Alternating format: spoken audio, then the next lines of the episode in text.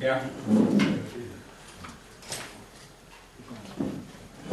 David, I would like to repeat uh, that we are very grateful uh, to you that you have analyzed these uh, difficult uh, texts. Uh, it's an issue that is uh, filled with pain and difficult, difficult decisions, whether you are in the UK or in, in Denmark. And uh, I would also like to appreciate your willingness to let the text be central. Uh, for of course it's uh, easy to accept remarriage if you take the view that the testimony of the biblical text uh, does not play a decisive role. But it's not the way you argue, and uh, of course it is not. but I would uh, like to uh, mention that we appreciate that very much. Uh, I'll divide my uh, comment here in two parts. First, some um, musical questions, and then I'll discuss some of the texts uh, that you have uh, analyzed. Uh, let me add at the beginning that I have read your books, Divorce and Remarriage uh, in the Bible and in the church, but uh, I have not reacted on your paper here today, but uh, I think there's not very much difference here. And of course, it will be a little technical, but uh, the details are important here. Yeah, uh, it's a difficult question, and uh, you see here, uh, my sermon this morning is entitled "Divorce and Remarriage Among Christians," and uh, uh, I think that we always all feel that it is really a difficult question. Three comments first on uh, the hermeneutical issues. Uh, you emphasize again and again that you want to understand the text as the original audience uh, might uh, perceive the current word of Jesus or the current words of Jesus. Uh, you argue in this way again and again, and uh, you do it very convincingly and of course, in many ways, I fully agree. On the other hand, one might argue that it is the text in its context that is uh, central. A text must be read in its uh, context. Uh, for the most part, these uh, two perspectives uh, are not uh, opposed to each other, but they may nevertheless lead in different directions. And let me give an example. Uh, a word of Jesus in the Sermon on the Mount must, in my view, primarily be interpreted considering the other words in the Sermon on the Mount. You argue that the crucial question is how the audience would understand a statement of Jesus. And yes, of course, I agree that it uh, is important. But uh, I would emphasize uh, that the word of Jesus in the Sermon on the Mount must be interpreted primarily in relation to its context in the Sermon on the Mount. And uh, as I understand the Sermon on the Mount, the key question is not how the original audience would understand the word of Jesus, but how each logion of Jesus is uh, related to the other words of Jesus in the Sermon on the Mount. But I've returned to that later on. The second, uh, we have uh, in 1 Corinthians 7 and Romans 7 uh, some words of Paul that are very absolute he declares that the wife should not separate from her husband. But anyway, Paul adds some instructions if you anyway divorce in 1 Corinthians uh, 7 11. And uh, we have the same when Jesus says what God has joined together, let no man put asunder. Jesus nevertheless allows divorce. So we have absolute statements about this. But we should obviously not uh, interpret them uh, to its face value. And that's a difficult question here. Uh, what criteria do we have uh, when we interpret these uh, absolute uh, words? And how, how do we prevent ending in pure arbitrariness in the interpretation? Jesus forbids divorce, but anyway, he allows divorce. Could you argue in the same way that Jesus forbids remarriage, but anyway, he uh, allows it under certain, uh, under certain circumstances? Well, that's a, a, difficult question, and I am not uh, able to answer that uh, in a, short paper like, like this. But it, I would uh, say that if we have an absolute statement, and it should be qualified in some uh, respect, we need to have some support in the text for qualifying it. Um, I mean that we have to be very cautious here. Um, so we only qualify words that are qualified uh, in the in the New Testament. Third, uh, it's a difficult challenge to read between the lines. Uh, we will understand what it says uh, on the lines only if we understand what is written between the lines. And this is often very difficult because we live in another culture.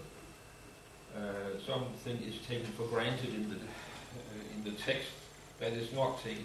We don't take for granted, and uh, uh, we want to not to over-interpret and not to under-interpret a text.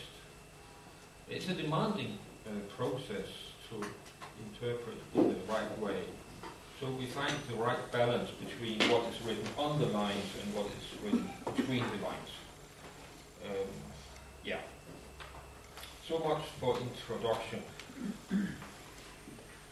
Then we turn to Deuteronomy uh, 24.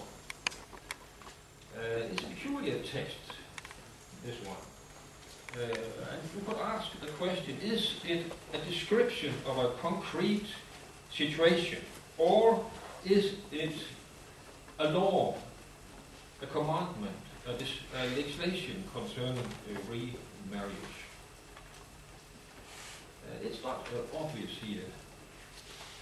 Uh, it's not totally clear whether we have a description or legislation. One can argue that there is a commandment here. Uh, there's no commandment uh, on uh, remarriage in Deuteronomy, Deuteronomy 24.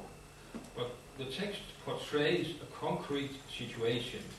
And in that situation, the aim is to protect the woman against violence. And when this and that happens, then then the dignity of the woman uh, should be uh, respected and protected. In, there's a, a, a, concrete situation where the text uh, prohibits remarriage. And that's what it says there. If you, you take the text as a, a, a law, then actually it's said there that uh, you are not able to remarry your own woman if you are divorced. it's what's uh, commanded there. So uh, I think that we have to be cautious about um, this text. Uh, there's no uh, commandment here uh, on um, on polygamy or remarriage. Um, it is in its uh, in its it is more a description, I think, than legislation. Whether the rabbis uh, interpret it this uh, way. Well, the words of Jesus. We have the words of Jesus on this uh, subject in both Mark and Luke. And according to Mark and Luke, Jesus says that whoever divorces his wife and marries another commits adultery.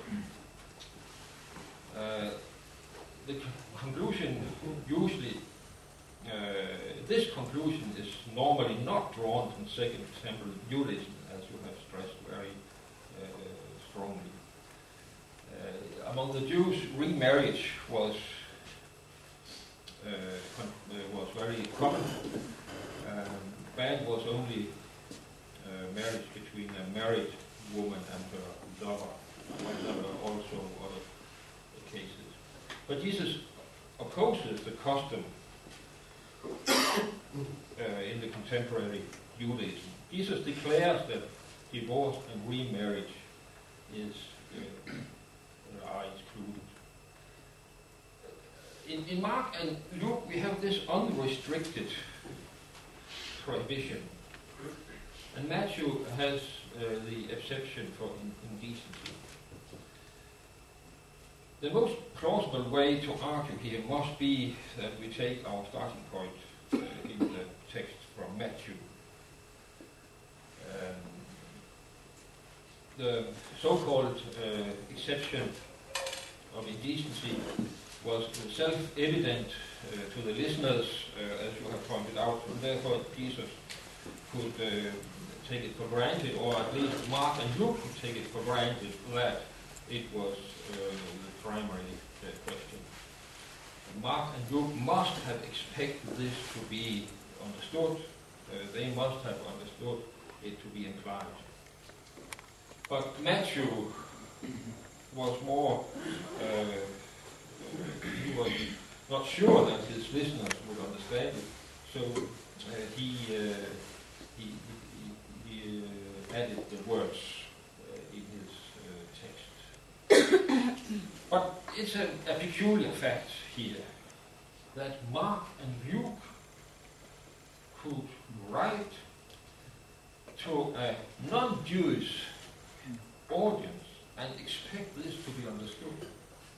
While Matthew, writing to a Jewish or a Jewish Christian audience, could not expect this to be understood. That's a peculiar fact. Uh, David declares that the words of Jesus are, on divorce and remarriage are abbreviated uh, down to the minimum and uh, not to be understood as a watertight legal statement. Uh, Jesus is, uh, according to Matthew 19, asked whether he agrees with Hillel or Shammai on this text. And the audience will naturally understand uh, the words of Jesus in this way. They know that these exceptions are included in the words of Jesus. So far, uh. Well, I will not discuss uh, the relationships between the Gospels here, uh, but now we'll turn to Matthew uh, 19. Jesus says that what God has joined together, man must not separate. Uh, is marriage in principle indissoluble? Uh, if two spouses are divorced, do they remain spouses in the eye, eyes of God? Well, it's not easy to uh, answer this question. On the one hand, you could claim that a marriage oath in any case is valid. It's ultimately God who has joined these spouses together to one flesh, so they could not be separated. On the other hand, what we read in Genesis 2 is that a man is not that a man cannot separate what God has joined together, but as you uh, uh, emphasized, that a man must not uh, do it. And if we uh, see what Jesus says to the Samar Samaritan woman in uh, John 4, uh, I think it's obvious that according to Jesus, uh, it's, mo- it's uh, possible to dissolve uh, a marriage. Jesus says that she has had five men, and the man she now has is not her husband. Uh, Jesus does not say that she has been married once for one to one man, and then she later on has lived with five men. But he points out that she has been married five times and now lives together with someone uh, with whom she is not married. So Jesus takes this dialogue for granted that the previous marriages have been dissolved. I therefore agree with David that marriage in principle can be dissolved. And so it must uh, also be in the, in the Old Testament. There is a possibility for remarriage in the Old Testament. And of course, if there is a remarriage, then the first marriage must be uh, dissolved. Uh, so from the Old Testament we learn that it is a, a possibility. Well, I'll not uh, uh, mention all the items where we agree, uh, David. I think it's very convincing what have said about the hardness of hearts, it's the broken marriage that is behind here. But uh, let me uh, mention something about the inception of indecency. We have two possibilities in interpreting the, the words in Matthew 19. You could uh, interpret the text. The one who divorces his wife for any other reason than fornication and marries another commits adultery. Or you could take the uh, uh, this to mean the one who divorces his wife and marries another wife for any other reason than fornication commits uh, adultery.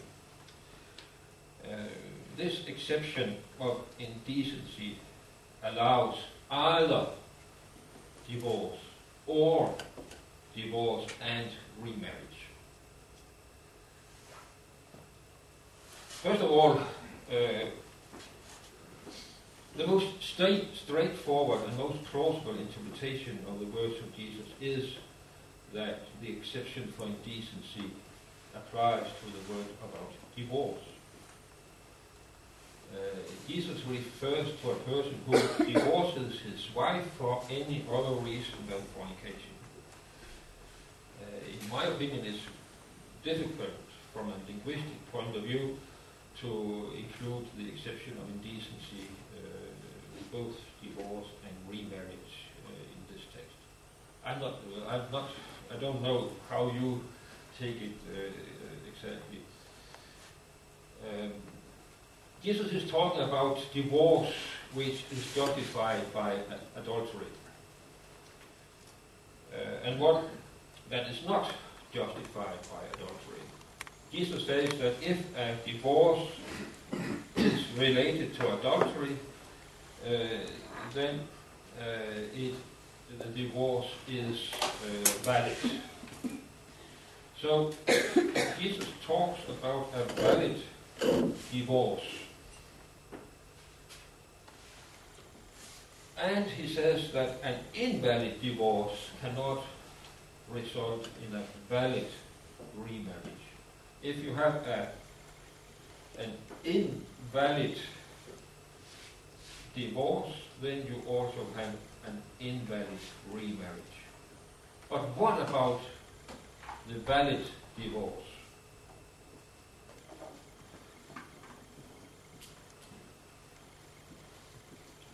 Here, David argues that Jesus permits not only divorce, but remarriage, if the divorce is valid. That will uh, correspond to the Jewish uh, custom, the contemporary Jewish view on remarriage. So it was in Second Temple uh, Judaism, uh, marriage was permitted under specific circumstances. remarriage was permitted under specific circumstances. Consequently, Jesus in some specific cases allows a divorce and accordingly he also allows remarriage in this uh, case.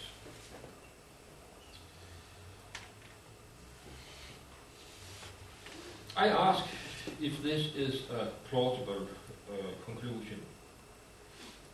Uh, does Jesus not in any case prohibit a remarriage? I ask this. Uh,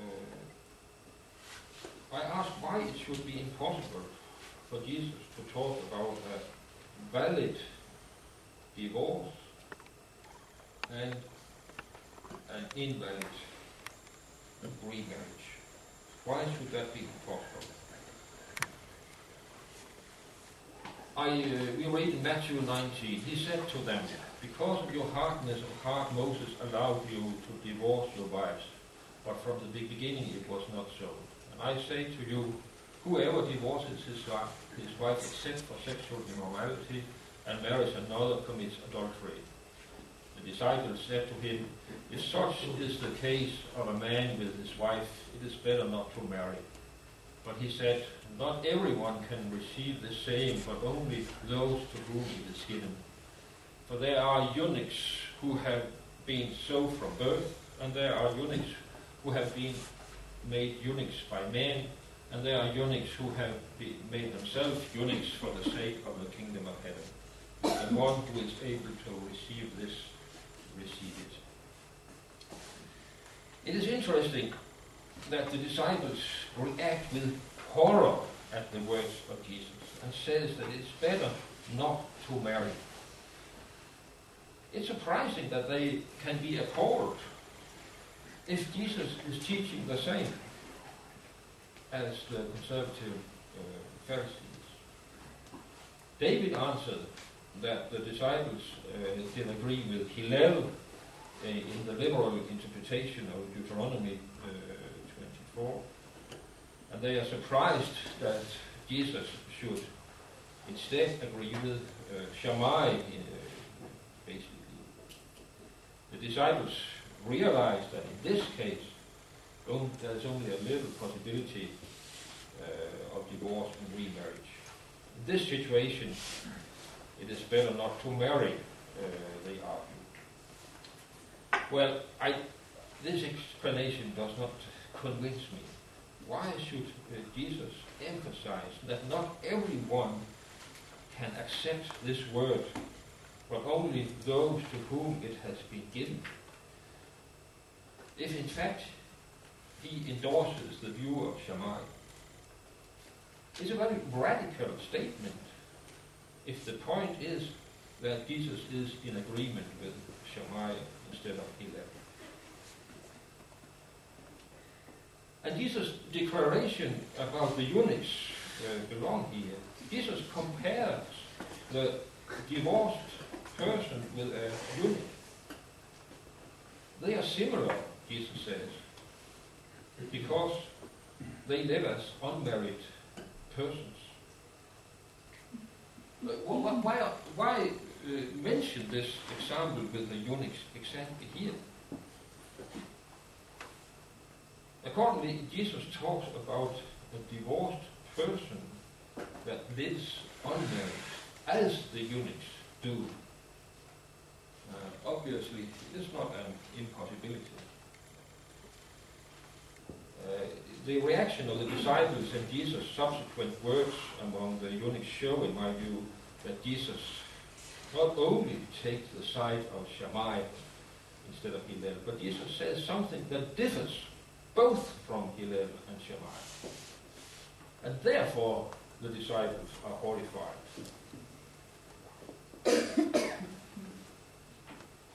they, uh, and Jesus says uh, later on that uh, uh only uh, those, let the one who is able to receive it, receive it. It's so astonishing that Jesus can uh, express himself in that way if he is saying approximately the same as some of the Jews.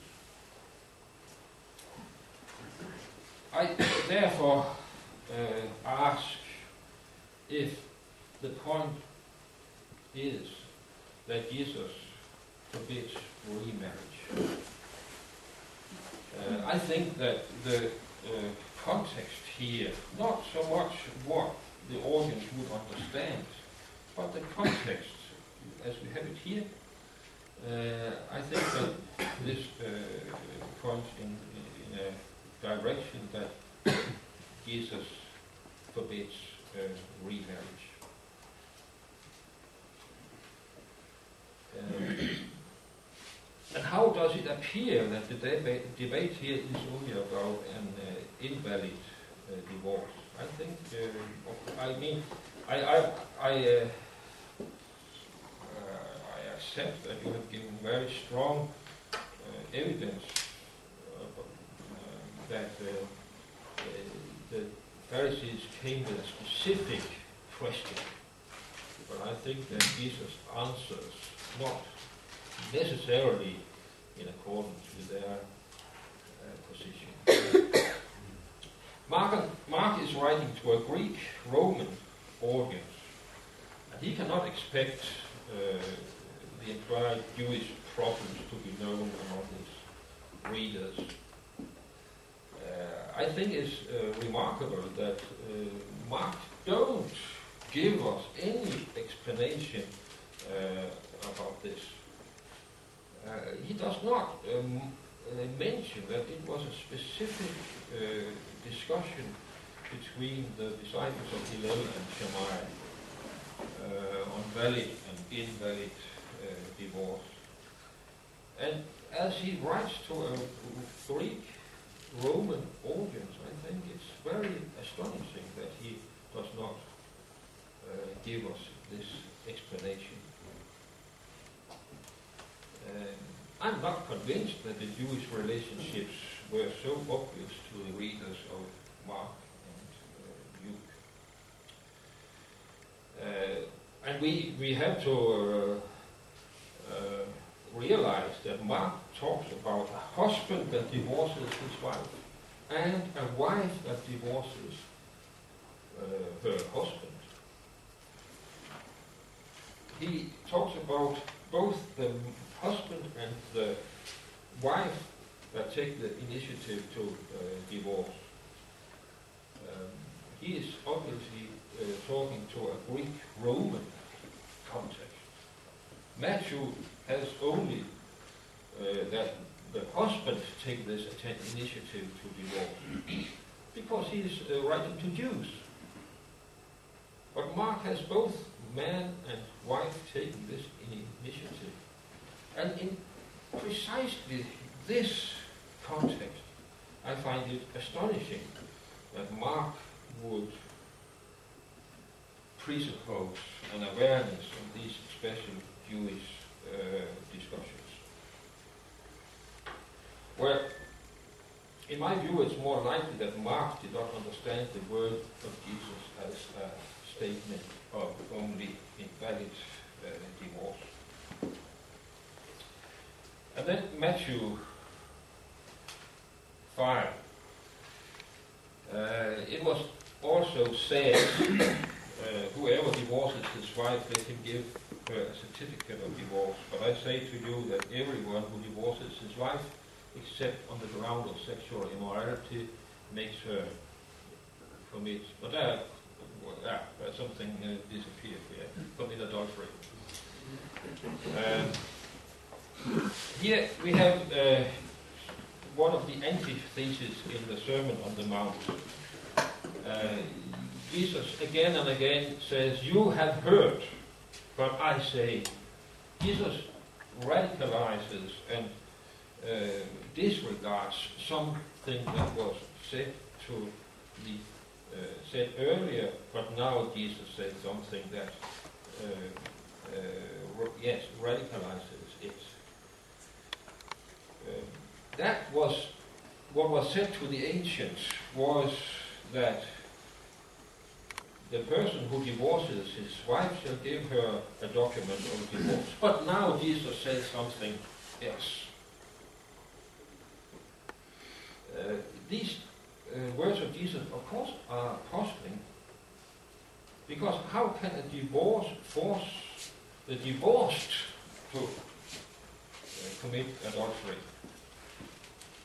Uh, you would argue that the reason is that uh, uh, because of the social and economic uh, circumstances, the divorced person will be forced to marry another person and then there will be adultery.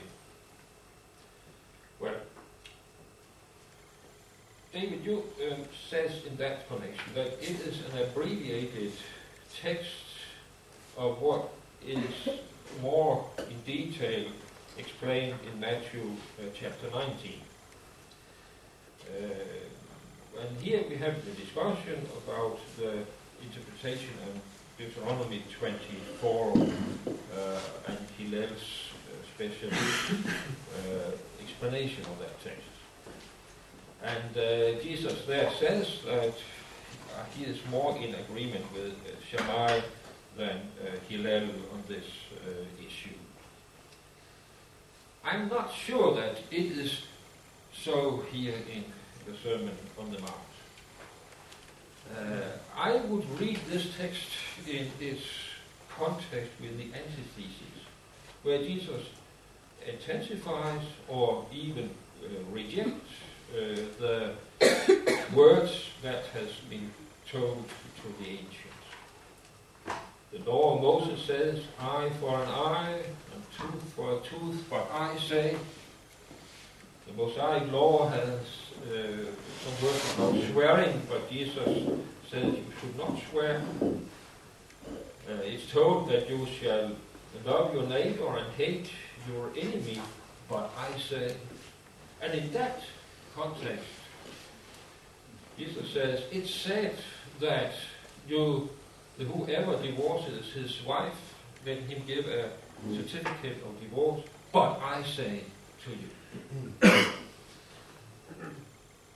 As I uh, see it in that context, Jesus is not uh, endorsing the law about uh, certificate of divorce. He is radically different from Hillel and Shammai, in my opinion. Um, he, uh, he says that something that uh, violates the law of Moses concerning divorce, the divorce document. It's said to them, but now I say to you. That's quite a new situation. The law of Moses is not longer the, the, the norm for the disciples. So I think that in the context of uh, the Sermon on the Mount, the conclusion should be that remarriage is uh, invalid. Then we have Paul. To the married I give this charge, not I, but the Lord. The wife should not separate from her husband, uh, and if she does, and so on. Um, uh, you uh, take this to mean that Paul is talking about uh, divorce by separation.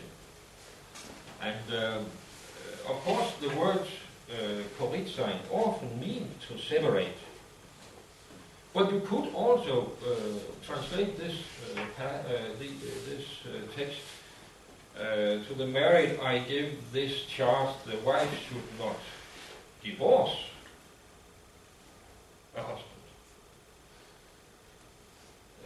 why is it so sure that this text concern, uh, concerns the separation and not uh, divorce uh, more general?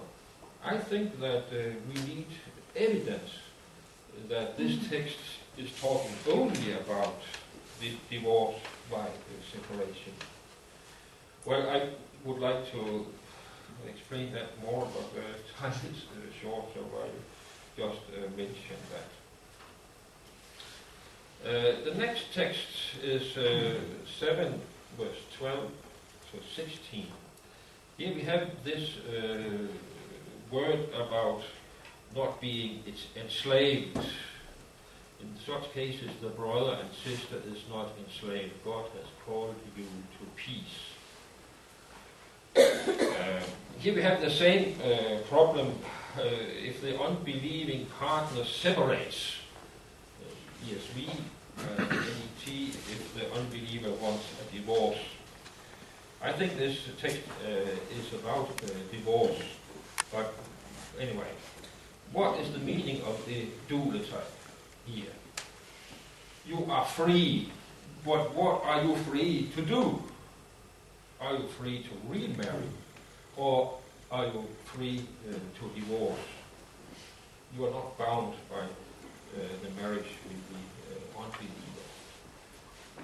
Well, here you offer very convincing evidence uh, about the situation among uh, the Corinthians that that marriage was remarriage was very common, yet even compulsory. But is that what this text is all about?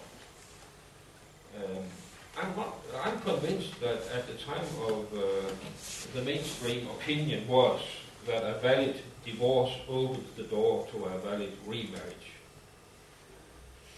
But uh, when this is not outspoken by Paul, it is bold and risky to assume that it is presupposed by Paul. Uh, I would argue that we should take the words as they appear. And uh, here you, you mentioned uh, the document of divorce. You are free to marry whoever you want. That this uh, document should be behind uh, what Paul is writing here. Well, you could uh, say that uh, how should the Corinthians be able to see that? they were not Jews uh, many of them were not Jews at least. But uh, it's not the, the, my main point here. Uh, you say that it could not be, it, it, should not be understood that you are not bound to the marriage, and then it's said that you have to live as unmarried. Why you say that it is unthinkable that Paul should recommend or even uh, that he should uh, command uh, celibacy here. Well, yes, it was uh, unthinkable perhaps among the Corinthians and in this world. But Paul himself, he says that he would recommend an unmarried situation. He says that to the Corinthians. He says that, okay, I'm not talking to you here as an apostle, but it's my uh, advice that you live as unmarried. So I'm not sure that it is so impossible that Paul should advise the divorced to live as uh, unmarried. Um, then we have 1 Corinthians 7. Are you bound to a wife? Do not seek to be free. Are you free from a wife? Leave Do not seek a wife. Here, the main point is the interpretation of this word uh, lelusai. Are you freed from, are you freed, I don't know if you can say that in English, are you freed uh, from a, a, a, wife? Um, you not seek uh, a wife. Are you freed from a wife? not seek a wife. Well, it's about this, uh, this word, uh, Does that presuppose that Paul is talking to married people here, and then divorced people. Yes, you could uh, argue there uh, that, and I think it's a strong argument you have here, that uh, Paul actually talks about a divorced person here. Are you divorced from a wife? Do not seek a wife. But if you do marry, you have not sinned. Here you have a strong case, I think. Um, on the other hand, Paul, Paul is not talking to married people in this context. He's talking to virgins. Uh, in your paper, you said that you have to be aware that Paul in verse uh, 39 is talking to widows, and we have to to to uh, to realize this. Yes, and we have to realize that here he is talking to virgins. Engaged people, I think you said that it is engaged people here. Uh, so, what this text is all about is that if you are engaged, if you have a fiancé, uh, then uh, I recommend you not to marry. But if you marry with your fiancé, then you don't sin. I think that's the most uh, obvious uh, way of interpreting this uh, text. It's not about married people, but it's about engaged people. It's saying that virgins being married, they don't sin. Uh, it's a peculiar fact. How should people have that impression? But, well, Paul is recommending uh, celibacy in such a strong way that people could perhaps get the impression that they sin when they marry. I uh, I have not time to uh, mention chapter 7, uh, verse 39 about the widows. Uh, and um, I also, well, just a few words in Romans uh, 7. Uh, she will be called adulteress if she lives with another man while her husband is alive.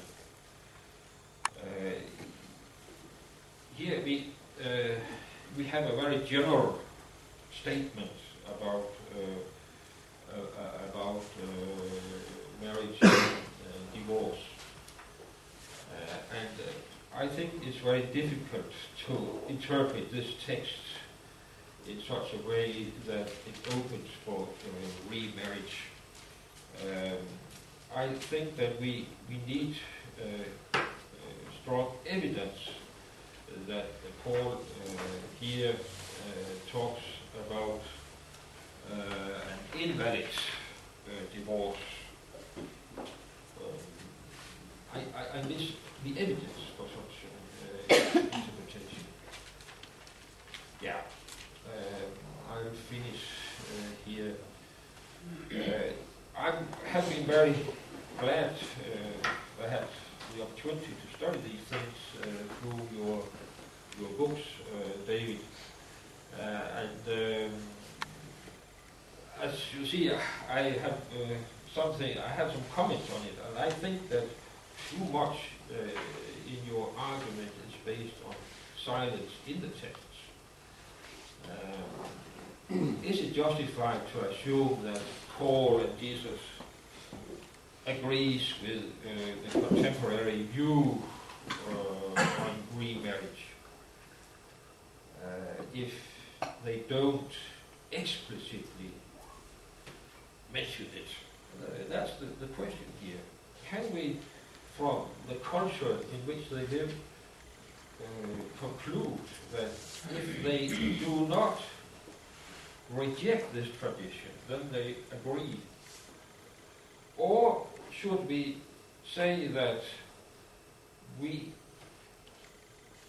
must have a word from Paul and, Jesus uh, allowing remarriage for, for accepting remarriage? that's a, a difficult question, and uh, perhaps uh, we, that's the, the point uh, where we where we differ. I think it's remarkable that Jesus says that Moses, because of the heart, hearts permitted divorce, but he does not say explicitly that Moses, because of the hearts, permitted remarriage. In such a situation, you can argue, well, it was presupposed. But I would say, well, uh, but Jesus uh, doesn't say it. Thank you, David, for the opportunity to, uh, to study these issues. It has been very challenging for me. to reflect once more on these uh, issues, and uh, we agree that the text must be central in this uh, issue, and I hope that we also in the future can uh, continue our conversation and discussion. So thank you for attention.